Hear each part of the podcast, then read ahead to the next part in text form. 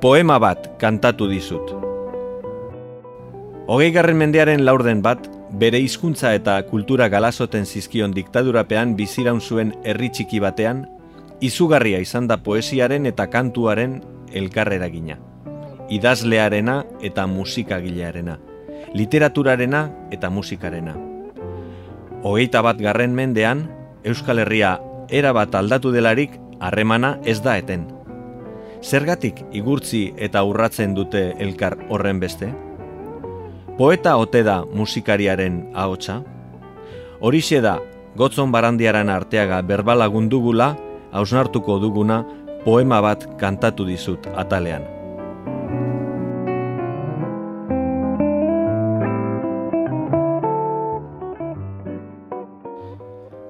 Leire Bilbauk 2006an argitaratu zuen Susa argitaletxearen eskutik eskatak poema liburua.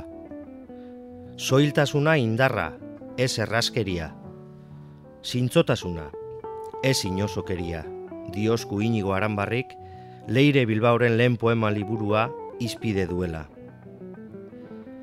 Idazlea pieza laburrez ondutako poemario batekin agertu da plazara. Unibertso berezi bat osatzen duten uneak, begiradak, gertakariak, gogoetak papereratuz. Emakumea eta bazterketa, emakumea eta bakardadea, emakumearekiko inkonprensioa, emakumearen esinak, emakumea bere identidadea garatzeko dituen ostopoi begira. Oi hartzunek gabe biziden jendearen sentimentu aratzen bilaketa da eskatak, sufritzen ez dutela erakutsi gura ez duten pertsonen sufrimendu eskutatu horren azaleratze zintzoa, onespenik behar ez duena. Liburuan ageri diren pertsonajeak eta ondorioz pertsonak, ez dira irla bakartitik urrunean ikus daiteken itxasontziari imintziokaari, estabiz kasetariaren gibelean kamerari agurka. Hor daude, poetak alaxe erakusten digulako. Hor dagoz, alboan bizigarenok konturatzen espagara ere. Bizilagun horietako bat da, Irene. Arropa bustiarekin batera soketan eskegi da iluna barra.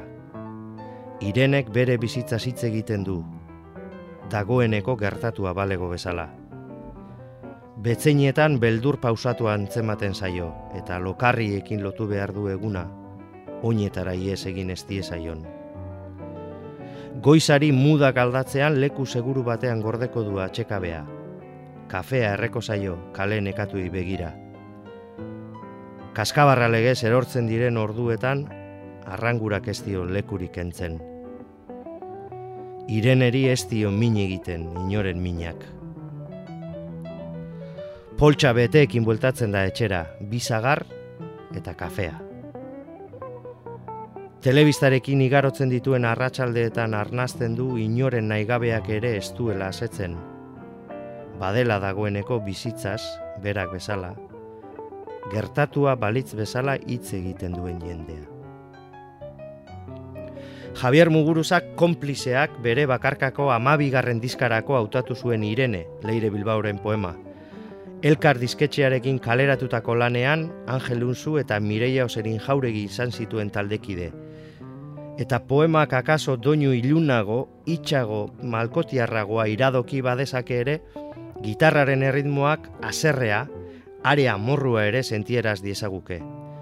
Aurpegiratuz bezala, ez otezarete ohartzen egunero errekaduen poltsekin doala agurtzen duzuen horrek, baduela bizitza bat, ahaztu egin ote duzue ikustea begiratzea ere badela? Idazlea ere baden Javier Muguruzak konplizeak dizkan Leire Bilbauren poema esese, Xavier Lete, Ignacio Mujika Iraola, Joseba Sarriona India eta Angel Erro idazleen testuak ere kantatzen ditu. Kantugile eta bilen bide luzean, beti aldamenean duen Iñaki irasurenekin batera.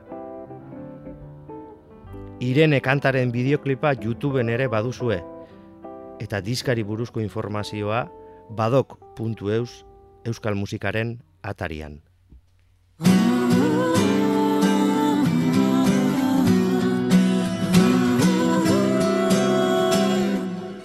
Arropa guztiakin batera Soketan eskegida iluna bala Irenek bere bizitza zitz egiten du. Dagoeneko gertatua balego bezala. Betxeietan bildurrantze maten zaio.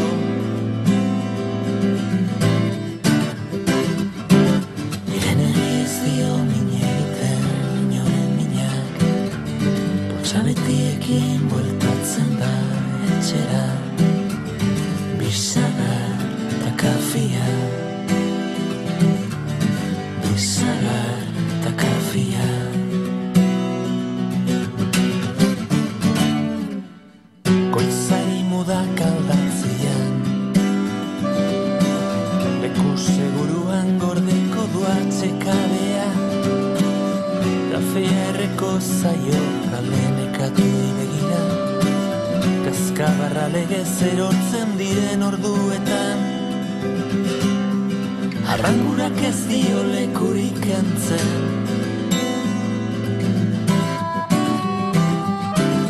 Eneri ez dio min egiten, minak. Sabeti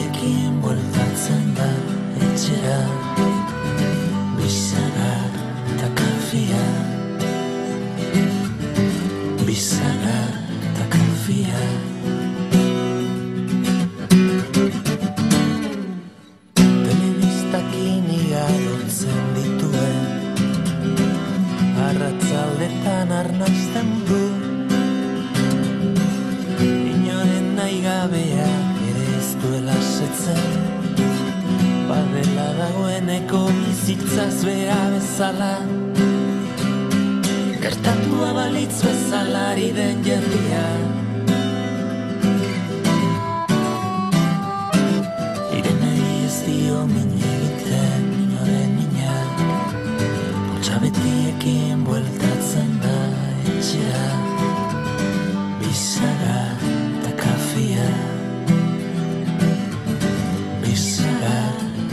Sofía Irene ez dio minen iten minore mina Potsa betiekin bueltatzen da etxera Bizaga eta kafia Bizaga eta kafia Poema bat kantatu dizut. Gotzon barandiaran arteaga.